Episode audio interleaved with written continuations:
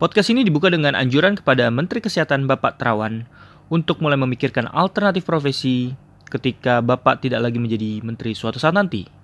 Tenang, Bapak tidak sendiri, karena kami akan membantu memikirkan hal tersebut. Setelah melalui perdebatan yang sangat intens dan sengit, kami berpendapat profesi yang cocok setelah menjadi menteri adalah stand up comedian. Ya, Anda nggak salah dengar. Stand up comedian. Kami punya pertimbangan. Pertama, Bapak bisa melucu walaupun tidak lucu. Bapak bisa tersenyum walaupun bikin sebel. Dan gestur Bapak membuat kami sadar Bapak tidak cocok menjadi apa pun. Inilah podcast pasaran episode ke-11 Gara-gara Corona.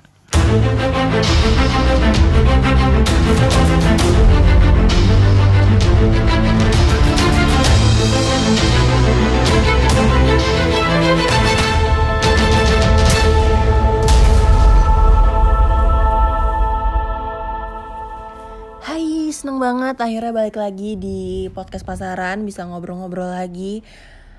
Em, tepatnya sekarang ini, ya pasti lo udah tahu karena lo udah ngeklik titlenya.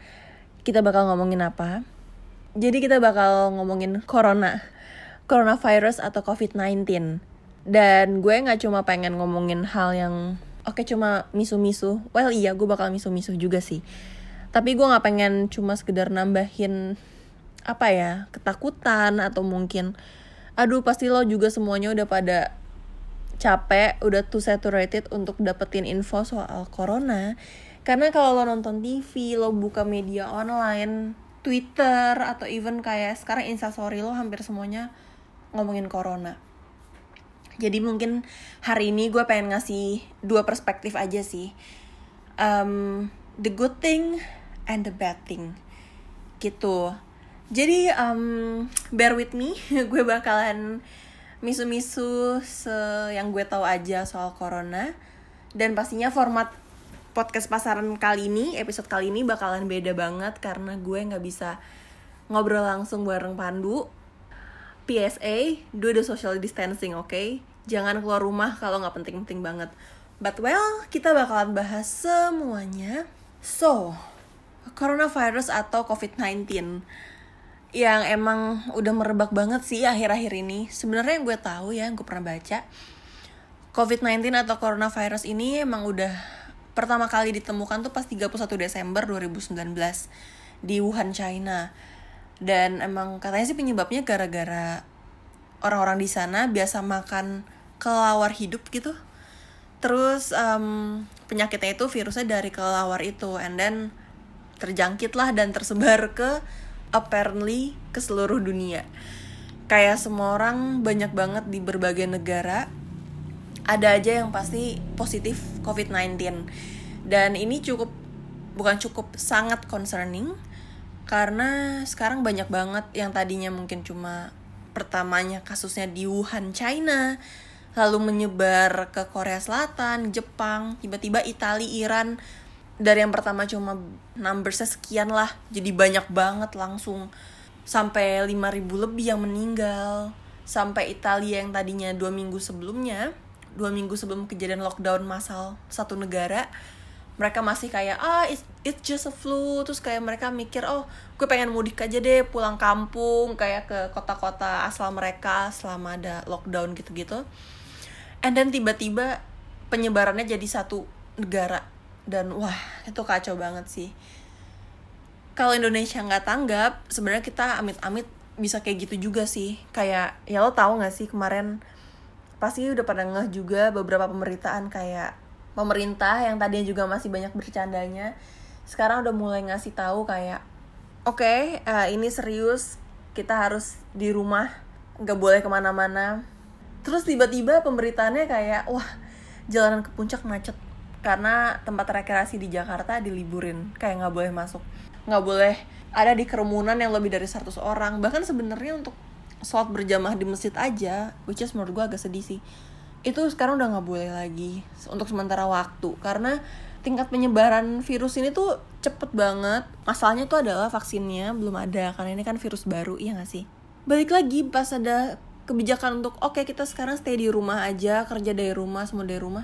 Malah banyak yang ke puncak malah banyak yang ke pantai malah pantai di Indonesia penuh.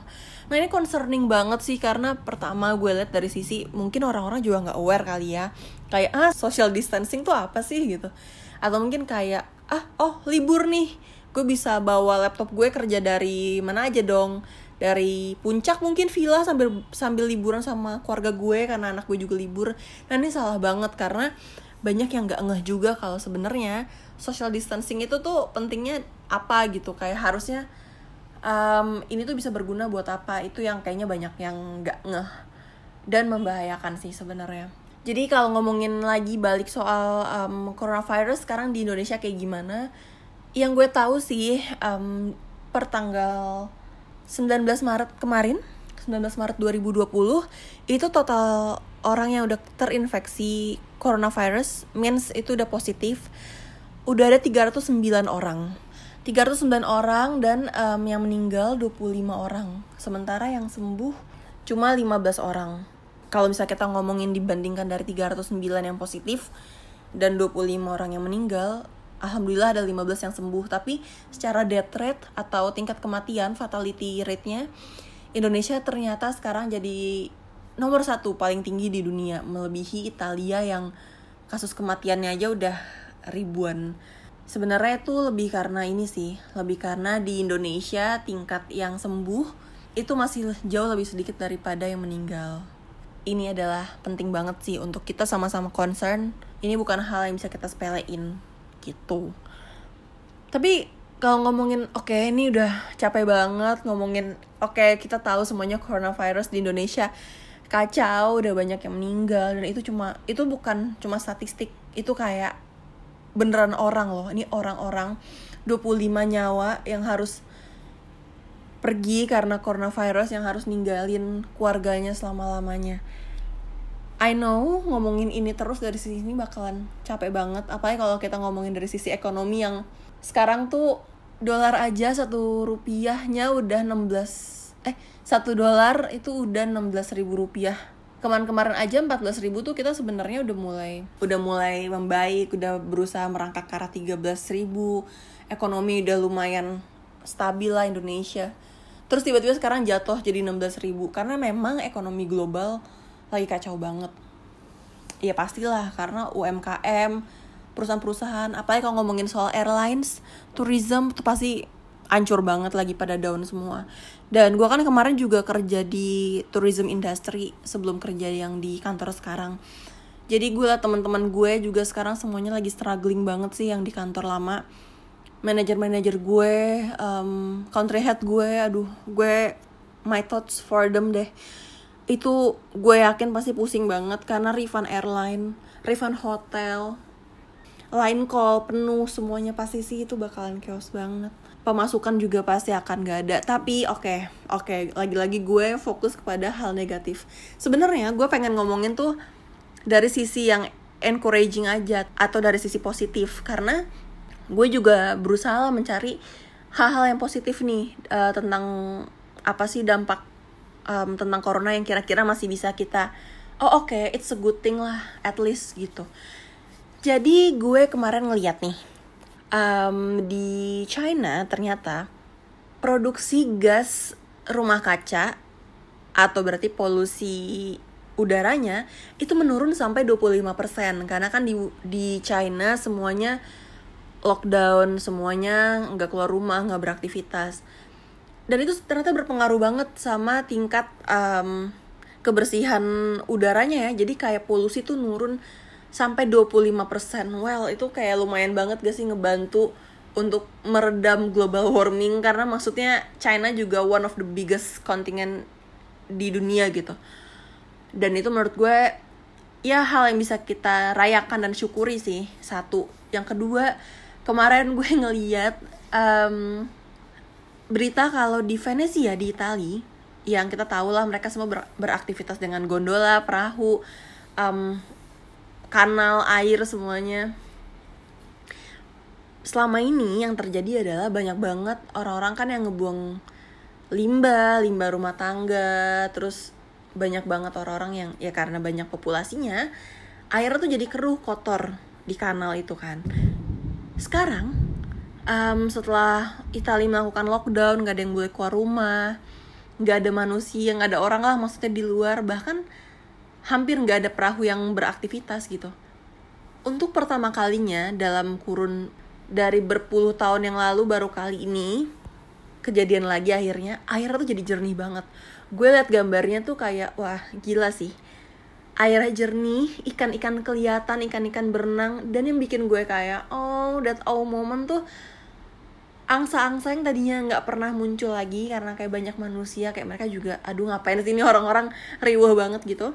Mereka balik lagi dong kayak the swans are back. Kayak mereka balik kayak berenang aja gitu. Maksudnya kayak one thing yang gue lihat yang terjadi dari coronavirus um, pandemic ini kayak orang-orang tuh semua dipaksa ya kayak quote and quote dipaksa untuk beristirahat gitu kayak di rumah aja kayak family time nikmatin waktu luang.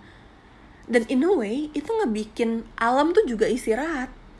Alam juga tenang nggak banyak polusi nggak banyak kayak manusia lalu lalang nggak banyak kegiatan yang melecatkan alam gitu. Kayak bikin alam kotor rusak. Dan kayak flora dan fauna tuh menurut gue di momen-momen kayak gini adalah yang paling diuntungkan sih. Kayak mereka benar-benar ngerasain for the first time dalam sejarah mereka hidup mungkin flora dan fauna ini setelah mereka ada di bumi kayak oke okay, ini tenang banget damai banget gak banyak manusia. Oke okay, gue nggak bilang juga sampai to the extreme level dan mungkin manusia kayak mungkin kita nggak sih virusnya atau mungkin kita nggak sih perusak alam DLL DLL nggak juga. Cuma maksudnya mungkin memang Tuhan seadil itu untuk membuat skema di mana oke okay, kita nikmatin waktu yang mungkin selama ini kayak kita kerja kita nggak banyak waktu di rumah nggak banyak mensyukuri apa yang Tuhan kasih gitu. Tapi karena kita tanda kutip dipaksa untuk istirahat kita jadi oke okay, kita take a break kita tahu oh tata kayak ini loh keluarga gue kayak kalau misalnya lo lockdown bersama keluarga kayak ini kayak lo menghabiskan waktu sama keluarga lo bisa cerita lebih banyak.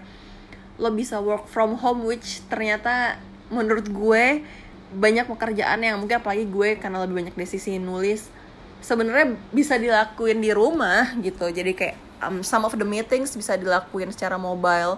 Dan mungkin juga beberapa beberapa perusahaan pasca corona ini bakalan mikir kayak oh ternyata remote working tuh efektif ya ya nggak tahu juga sih. Mungkin kalau kayak beberapa pekerjaan yang misalnya auditor atau um, graphic designer yang harus standby atau operation call center gitu mungkin it's it's quite tough. Apalagi kalau ngomongin pekerjaan yang sifatnya bener-bener daily kayak pedagang asongan kayak um, babang-babang ojol supir taksi gitu-gitu ah itu lebih berat lagi gitu. Pasti work from home juga nggak bisa sih diterapkan sama orang-orang yang emang butuhnya tuh daily. Karena gue tau lah Indonesia tuh oke okay, kita bisa bilang kan nggak ngerata ya semuanya ekonomi masih ada yang have ada yang mungkin kurang. Nah yang kurang ini nih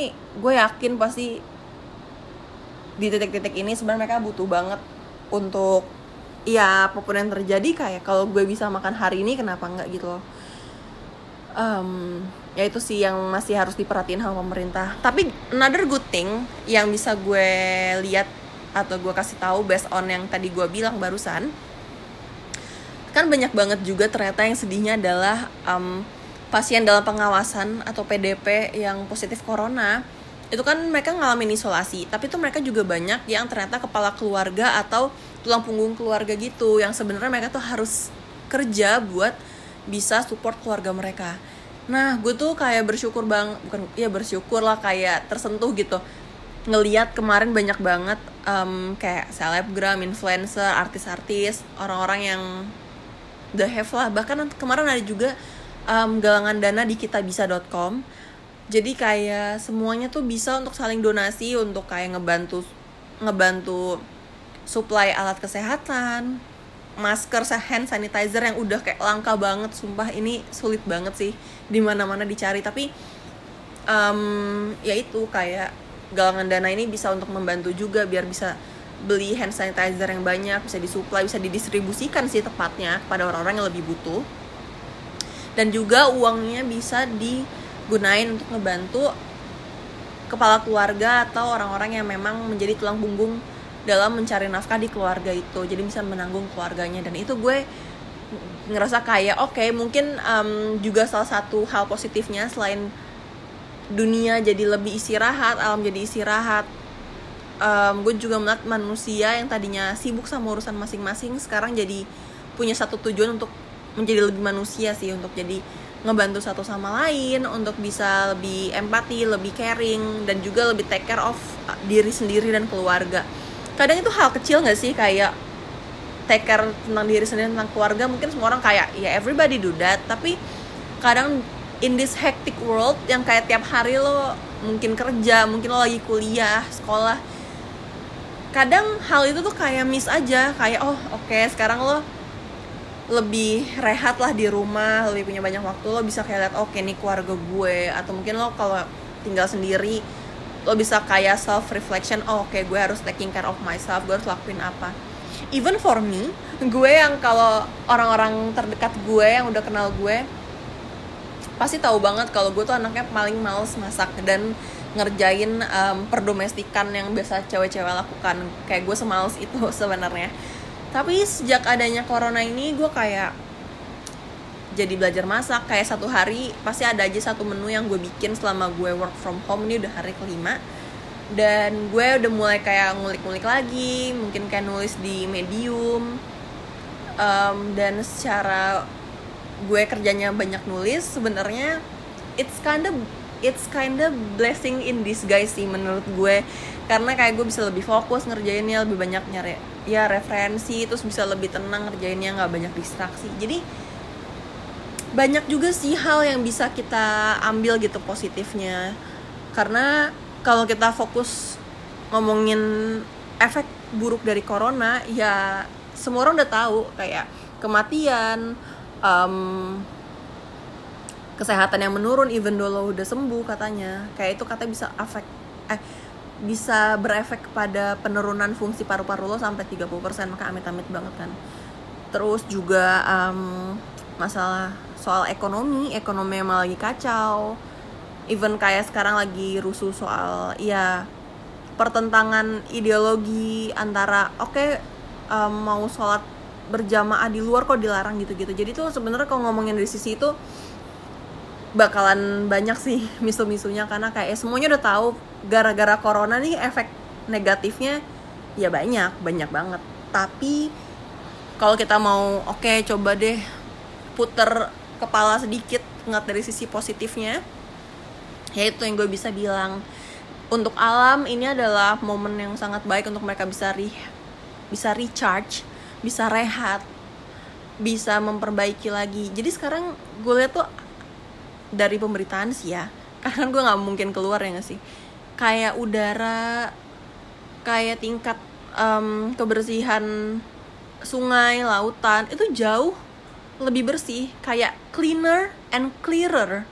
Um, dari sisi udara dari sisi um, air semuanya bahkan dari sisi jalanan yang biasa tuh chaos banget tapi sekarang kayak infrastruktur jadi lebih kayak tenang yang enggak yang nggak chaos aja gitu. Maksudnya nggak kayak macet dan hal-hal yang bikin kita stressful. Kalau kita ngomongin soal dunia secara global ya mungkin dunia butuh gitu. Untuk istirahat. Dan kita pun sama sebagai manusia kita juga butuh untuk istirahat untuk um, selain ngelindungin diri kita untuk kita harus self quarantine karena kalau kita mau egois kita pengen tetap keluar. Mungkin aja nggak sih kita bisa jadi carrier? Mungkin lo sehat lo ngerasa sehat baik-baik aja tapi amit-amit saat saat virus itu ada dalam tubuh lo lo nggak tahu lo ternyata bisa menjadi carrier bagi orang yang sebenarnya lagi posisinya tuh nggak terlalu sehat. Jadi lo malah bisa jadi orang yang menularkan penyakit itu. Maka amit-amit banget kan. Gitu sih. Um, saat ini momen lo untuk rehat untuk kayak fokus sama diri lo fokus sama keluarga lo fokus sama pekerjaan lo. Ke depannya lo mau ngapain lo fokus sama apa yang mau lo kejar selama lo bisa kerjain dari rumah. Um, terus juga menurut gue ini adalah salah satu hal yang apa ya secara religius juga mungkin apa pun kepercayaan lo mungkin harusnya momen ini di saat um, lo banyak waktu luang di rumah adalah momen lo bisa refleksi untuk kayak oke okay, lo bisa menjadi umat yang lebih baik gitu. Lo bisa menjadi uh, manusia yang lebih baik lagi untuk agama lo. Memperbaiki ibadah lo mungkin ya gitu gitulah banyak banget hal yang positif sebenarnya yang bisa dilakuin. Or even sesimpel kayak kemarin gue liat video ini lucu banget um, ada penguin gitu. Gue lupa deh negaranya UK atau apa ya. Jadi salah satu kebun binatang kan tutup gitu kan? Ya pastilah terus karena tutup mereka kayak bikin um, bukan kebijakan apa ya mereka kayak ngelepasin aja gitu penguin-penguin untuk bisa kayak strolling around the zoo. Jadi kayak penguinnya tuh jalan-jalan lihat-lihat ikan dan yang paling kayak the oh moment kayak gemes banget itu pas penguin tuh kayak ngeliatin akuarium yang isinya ikan-ikan gitu. Sumpah menurut gue kayak cute banget. Kayak selama ini mungkin kalau nggak ada corona kalau manusia masih banyak beredaran di mana-mana penguin tuh nggak bakal bisa ngerasain privilege. Itu privilege lo bagi mereka kayak oh gila gue lepas dari kandang atau kayak bagian gue gue bisa jalan-jalan gue bisa lihat ikan. Kayak oke jadi menurut gue kayak ini mungkin ini momen untuk manusia settle down aja kayak kita kasih kesempatan sama alam flora fauna dunia untuk kayak nikmatin apa yang selama ini udah kita ya nggak sempet mereka rasakan lah karena banyaknya kita banyaknya manusia yang merasa punya banyak kepentingan juga untuk jalan ke sana ke sini. Nah sekarang gantian aja sih menurut gue kita kasih mereka juga momen untuk nikmatin dunia gitu. Dan manusia juga harus nikmatin apa yang bisa kita nikmatin sekarang apalagi kalau lagi dalam kondisi sehat gitu. Jadi menurut gue tuh banyak hal yang bisa kita syukuri dan lihat dari sisi positif sih soal corona ini. Gitu. Jadi untuk menutup per um, misuh-misuhan gue gue cuma mau ngingetin hal-hal basic aja. Kayak kalau lo ngerasa misalnya suhu tubuh lo tinggi panas banget kayak kalau pegang dada lo literally panas atau kalau punya termometer di atas 37,5 derajat panasnya lo batuk-batuk batuk kering katanya sih batuk kering dan kayak sore throat bener-bener tenggorok tenggorokan lo sakit banget terus lo lemes terus pernafasan lo tuh mulai terganggu mulai kayak hard to breathe. Um, menurut gue sih uh, it's better to check on doctor mungkin kalau sekarang kan banyak dokter online. Kalau merasa masih kayak oke okay, kayaknya lo takut untuk kayak malah tertular virus corona pas lo keluar rumah coba aja untuk konsultasi dulu sama dokter-dokter online. Ada ada beberapa aplikasinya kan banyak. Tapi kalau emang lo ngerasa oke okay, um, ini udah concerning untuk tubuh lo. Tubuh lo udah ngerasa kayak dalam tujuh hari pertama mungkin 5 sampai tujuh hari lo udah ngerasa kayak oke okay, lo butuh bantuan medis cepatnya. Ya yeah, it's better to check on um, the doctor sih. Kayak lo it's better check to the hospital as soon as possible sih menurut gue. Gitu. Jadi stay safe.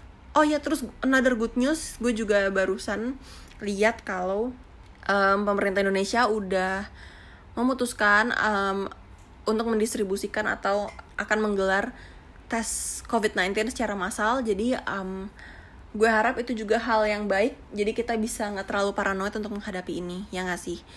Jadi ingat selalu untuk cuci tangan 20 detik. Um, selalu cuci tangan rajin-rajin bawa hand sanitizer. Jangan di hoarding ya kalau beli jangan ditumpuk karena banyak yang butuh. Selalu gunain hand sanitizer pokoknya hygiene-nya harus diperhatiin banget. Terus bersin um, pakai siku kayak ala ala ngedep gitu ya sih? Kayak yo oke okay, sorry. Terus um, kalau bisa yang punya hewan untuk dikip dulu jangan jalan-jalan. Kayak gue punya kucing itu kucing gue namanya Cibu. Cibu nggak gue kasih keluar-keluar dulu karena takut dia ketularan di luar terus kayak nularin yang di dalam rumah terus um, jangan pergi kalau nggak perlu please social distancing is important. Itu kayak kenapa hashtag di rumah aja tuh penting karena that is important oke? Okay? jangan keluar keluar rumah. Terus juga jangan kalau bisa kalau ada yang lo udah tahu ada yang tertular atau positif COVID-19 kalau bisa sebisa mungkin hindari. Ya emang jangan sih. Jangan sampai kontak fisik gitu karena penularannya jujur cepet banget katanya dan jangan nyentuh muka dengan tangan kotor which sama gue suka susah banget sih. Kayak kadang mata lo gatel hidung lo gatel tapi kayak pengen sentuh-sentuh muka. Jangan kalau misalnya emang sering banget refleks gitu sediain hand sanitizer sering-sering semprot tangan lo. Pokoknya yang penting dalam kondisi bersih. Dan yang paling terakhir menurut gue adalah jangan panik. Jangan panic buying jangan paranoid. Ya harus tetap rasional. Oke? Okay? oh plus makan makanan mateng. Itu penting banget sih percuma lo pakai masker hand sanitizer apa apa tapi kalau masih makan misalnya daging mentah telur mentah. Gue tuh suka banget telur setengah mateng tapi sekarang kayak gue make sure semua makanannya harus kayak mateng dulu karena itu juga salah satu media untuk nyebarin virus sih.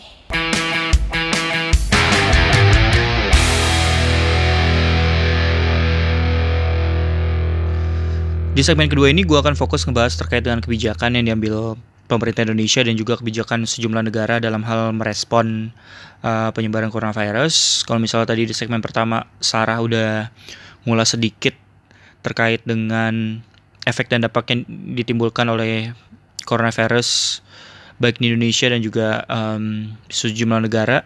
Misalnya dampak terhadap perekonomian kita gitu ya, nilai tukar rupiah terhadap dolar menyentuh angka 16 ribu gua nggak tahu terakhir kali kita menyentuh angka 16.000 itu kapan gitu ya.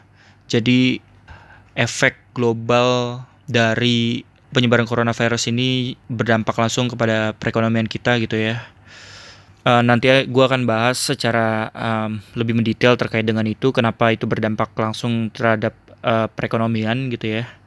Terus juga um, Sarah sempat menyinggung kalau misalnya kebijakan sejumlah negara untuk mewajibkan warganya melakukan social distancing gitu ya yaitu pembatasan sosial atau mobilitas warga berdampak positif terhadap angka penurunan polusi hingga 25 sampai 30% di uh, China gitu ya. Pertama-tama gue akan bilang kalau misalnya pemerintah Indonesia cukup lamban dalam hal merespon penyebaran coronavirus. Kita tahu sama tahu kayak misalnya coronavirus ini muncul di akhir 2019 di salah satu pasar di uh, Wuhan kemudian juga menyebar hingga ke beberapa beberapa wilayah di China hingga akhirnya menjadi lintas negara. Dan di tanggal 11 atau 12 Maret kemarin WHO menetapkan COVID-19 ini sebagai uh, pandemi global. Karena menurut data sudah sekitar 159 sampai 160-an negara sudah sudah terinfeksi uh, coronavirus. Kalau data Indonesia misalnya data tanggal 19 Maret 2020 sudah terkonfirmasi 309 yang positif dan juga angka kematian sekitar 8,09 persen atau 25 orang dari 399 yang positif. Dari tanggal yang sama juga jumlah kematian di Italia sudah mencapai 3.405 orang dan ini melebihi uh, jumlah yang meninggal di China sekitar 3.245 orang. Padahal jumlah kasus di Italia jauh lebih sedikit daripada di Cina gitu. Kalau di Italia sekitar 41 ribu, kalau di China sekitar 81 ribu gitu. Jadi kita lihat ada beberapa negara yang terimpact cukup uh, besar misalnya kalau kita bicara tentang Eropa, pusat penyebarannya itu di Italia, Spanyol dan juga Inggris misalnya. Terus juga pemerintah Italia juga sudah melakukan lockdown di seluruh negara, meliputi melarang kegiatan publik, meliburkan sekolah dan juga menutup seluruh bioskop, gym, kafe, restoran kecuali um, toko yang menjual kebutuhan pokok. Bahkan secara jelas melarang warganya untuk bepergian tanpa izin gitu ya. Dan bagi yang melanggar dapat dikenai pidana hingga 30 penjara atau denda 230 USD. Lain di Itali, lain juga di um, Korea Selatan misalnya, karena angka kematian di Korea Selatan juga cukup tinggi dan angka positif yang terinfeksi juga cukup tinggi gitu ya. Kalau di Korsel sendiri tidak melakukan lockdown, tapi pemerintah um, Korea Selatan melakukan upaya yang sangat masif untuk trace, test, and treat, yaitu melacak um, perjalanan pasien dengan melihat aktivitas menggunakan kartu kredit kamera CCTV dan juga aktivitas ponsel. Terus juga um, melakukan tes massal gratis. Mereka menyiapkan layanan drive-thru. Jadi dalam satu hari bisa diselesaikan atau dilakukan tes lebih dari 20.000 um, orang per hari dan waktunya pun sekitar 10 menit dan hasilnya langsung dikirimkan melalui um, pesan singkat keesokan harinya. Jadi melalui data itu pemerintah Korea Selatan bisa melakukan tracking terhadap uh, warganya.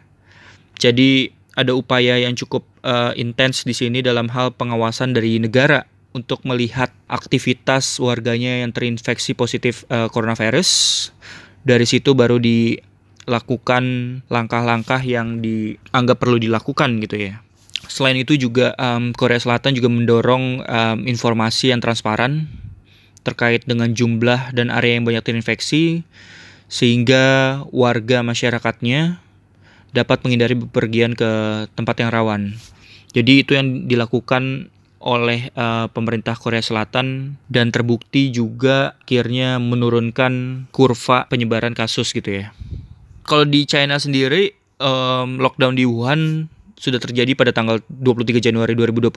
Jadi ketika ada 400 kasus baru per hari itu dilakukan lockdown dan juga dilakukan di beberapa kota lainnya selain di Wuhan. Terus juga adanya upaya yang cukup uh, intensif dari pemerintah China juga untuk melacak uh, orang-orang yang terinfeksi gitu ya. Selain itu juga uh, mereka membuat aplikasi yang memudahkan warganya untuk mengontrol kondisi kesehatannya sendiri. Kalau misalnya di Indonesia kita juga bisa menggunakan aplikasi yang dikeluarkan oleh Halo Dokter.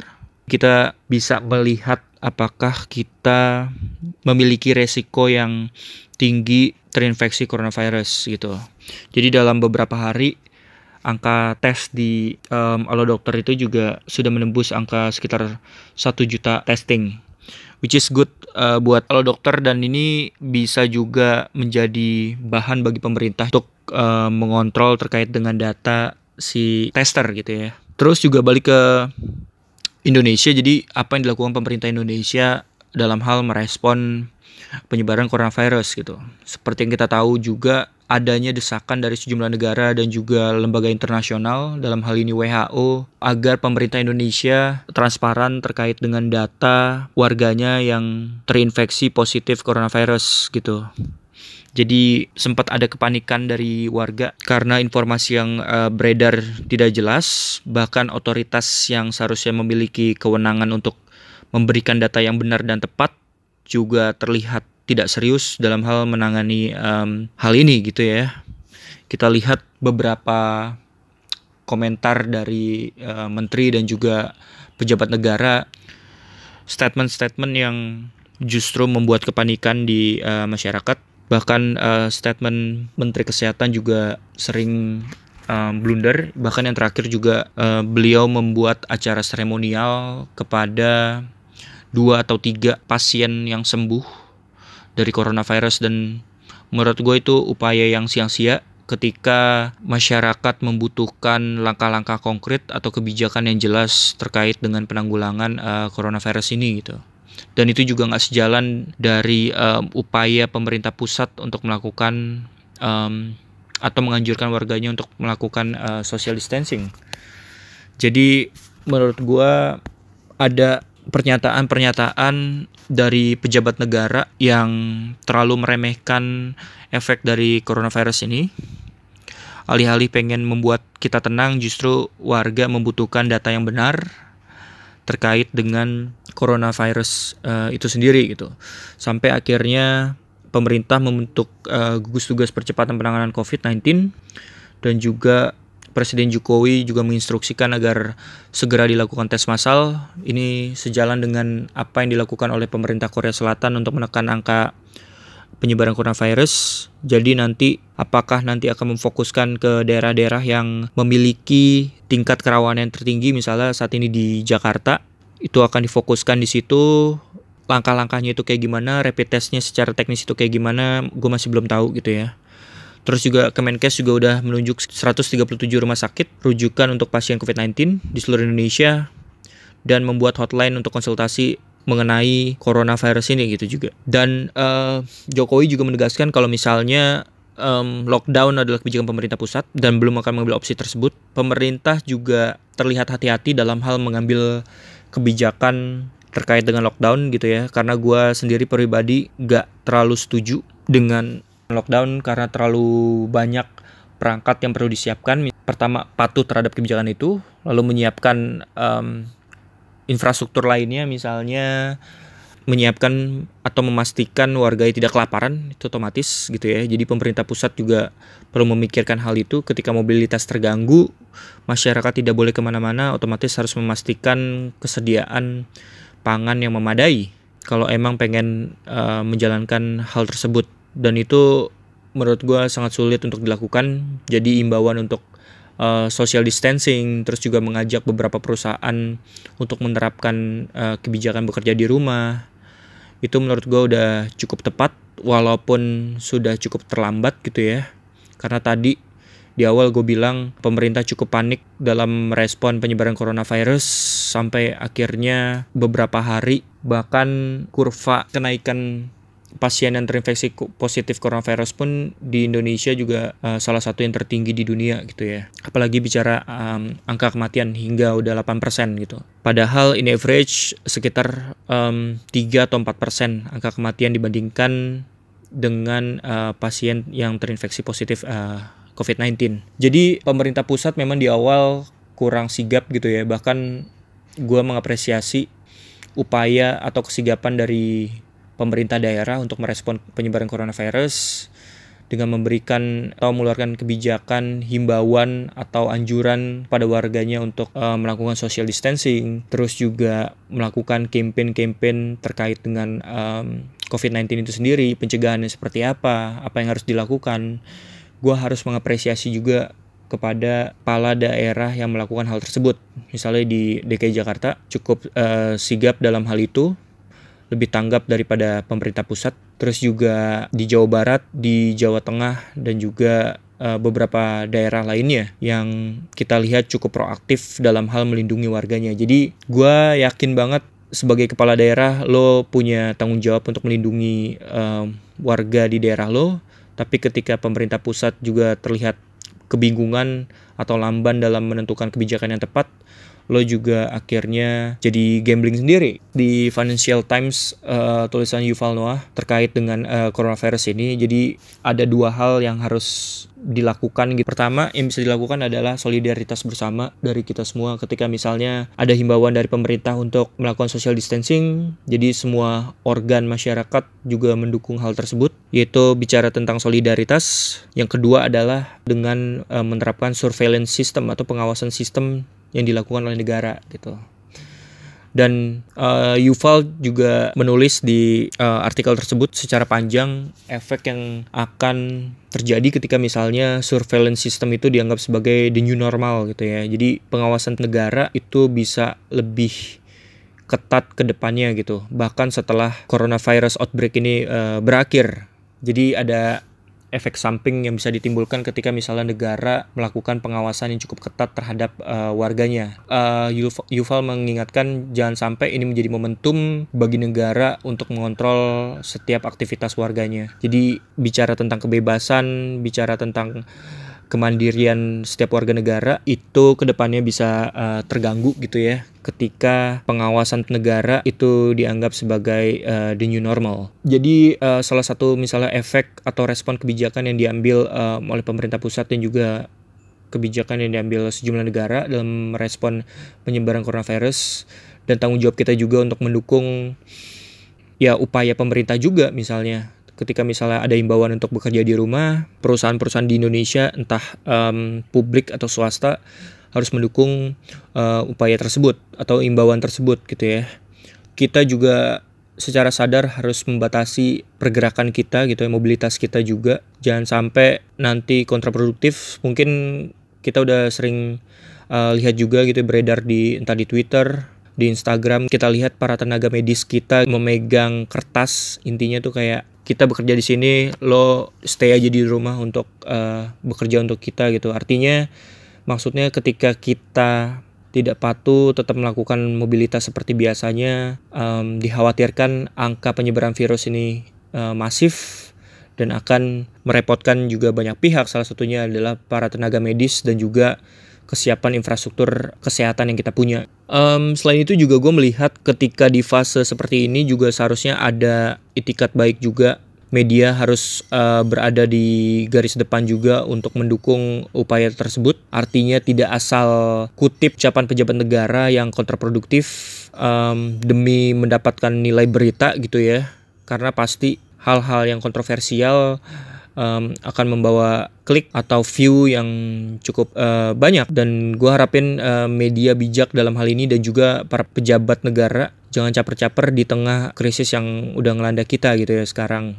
Ketika misalnya banyak juga perusahaan yang kembang kempis gitu ya selama beberapa bulan aktivitas operasionalnya terganggu. Misalnya dari awal tahun beberapa maskapai dunia juga udah menerapkan kebijakan atau terpaksa menerapkan kebijakan untuk merumahkan para karyawannya karena sejumlah negara membatasi uh, mobilitas orang dari negara lain kayak gitu. Jadi ketika pemerintah atau dunia sudah membatasi mobilitas warga ada efek yang ditimbulkan efek ekonomi yang ditimbulkan yang kemudian uh, memiliki efek domino gitu otomatis industri-industri um, terkait dengan pariwisata itu akan menurun transaksi penerbangan juga akan menurun dan efeknya juga akan ke mana-mana gitu ya. Perusahaan tour and travel gue nggak tahu gimana cara ngegaji karyawan itu kayak gimana gue nggak tahu. Terus juga kita tahu juga bahkan kalau nggak salah di awal Januari angka okupansi di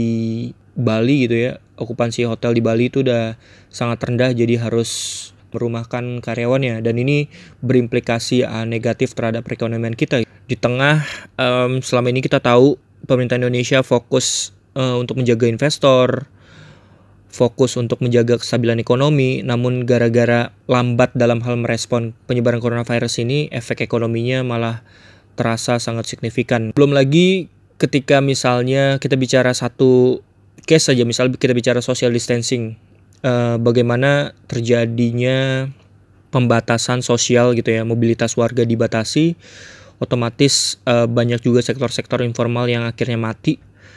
Sektor-sektor informal yang kemudian uh, biasa hidup di jalan kemudian terasa efeknya ketika misalnya dari sisi pendapatan menurun terus juga mereka secara dilematis juga akan melakukan langkah seperti apa gitu. Ketika misalnya um, mereka berpikiran untuk oke okay, gue akan patuh dalam menjalankan uh, himbauan dari uh, pemerintah terkait dengan social distancing gitu misalnya.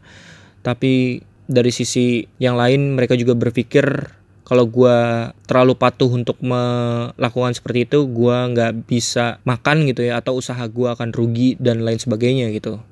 Jadi dari sisi resiko mereka berfokus pada resiko yang paling dekat yaitu ketika misalnya aktivitasnya tidak berjalan sesuai dengan uh, semestinya mereka melihat resiko yang paling dekat gitu.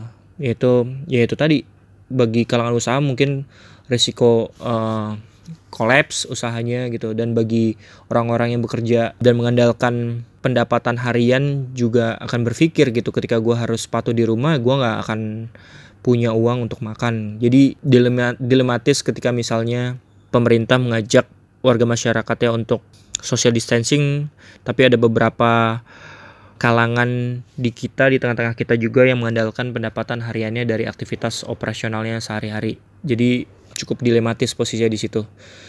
Um, yang paling bisa kita harapkan adalah ketika misalnya terjadi imbauan untuk oke okay, libur sekolah selama dua minggu misalnya dan juga anjuran untuk perusahaan-perusahaan untuk meliburkan bukan meliburkan bahasanya ya untuk menerapkan kebijakan uh, bekerja di rumah sementara waktu selama dua minggu. Nah lalu ketika misalnya mereka mematuhi itu, mereka sudah menjalankan seperti itu, yang dinanti adalah kan respon kebijakan dari pemerintah kan, respon kebijakan pemerintah untuk untuk menanggulangi penyebaran virus itu gitu. Jangan sampai ketika misalnya perusahaan berusaha untuk kayak atau warga masyarakat berusaha untuk mematuhi uh, pemerintah gitu ya, berusaha untuk tertib tapi um, respon kebijakan dari pemerintah dalam hal ini misalnya pemerintah pusat itu masih terasa lamban gitu. Jadi efeknya makin gede ke depannya gitu baik dari aspek sosial dan juga aspek ekonomi gitu.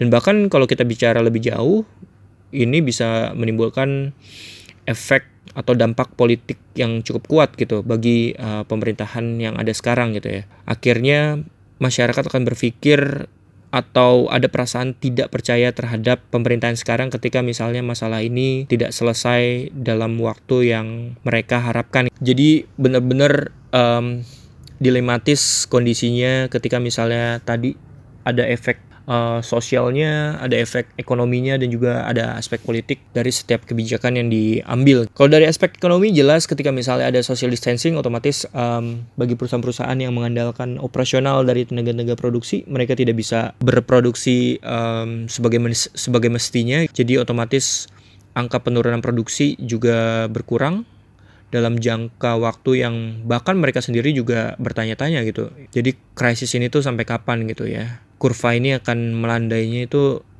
kapan gitu ya? Mereka juga nggak tahu gitu. Jadi itu dampak yang terjadi ketika misalnya pemerintah cukup uh, atau dirasa lamban dalam menangkal penyebaran coronavirus gitu. Jadi ada aspek ekonomi sosial politik dan lain sebagainya. Kita menunggu upaya dari pemerintah pusat dalam hal merespon penyebaran coronavirus ini. Jadi secara teknis udah jelas tuh pemerintah pusat akan melakukan tes massal.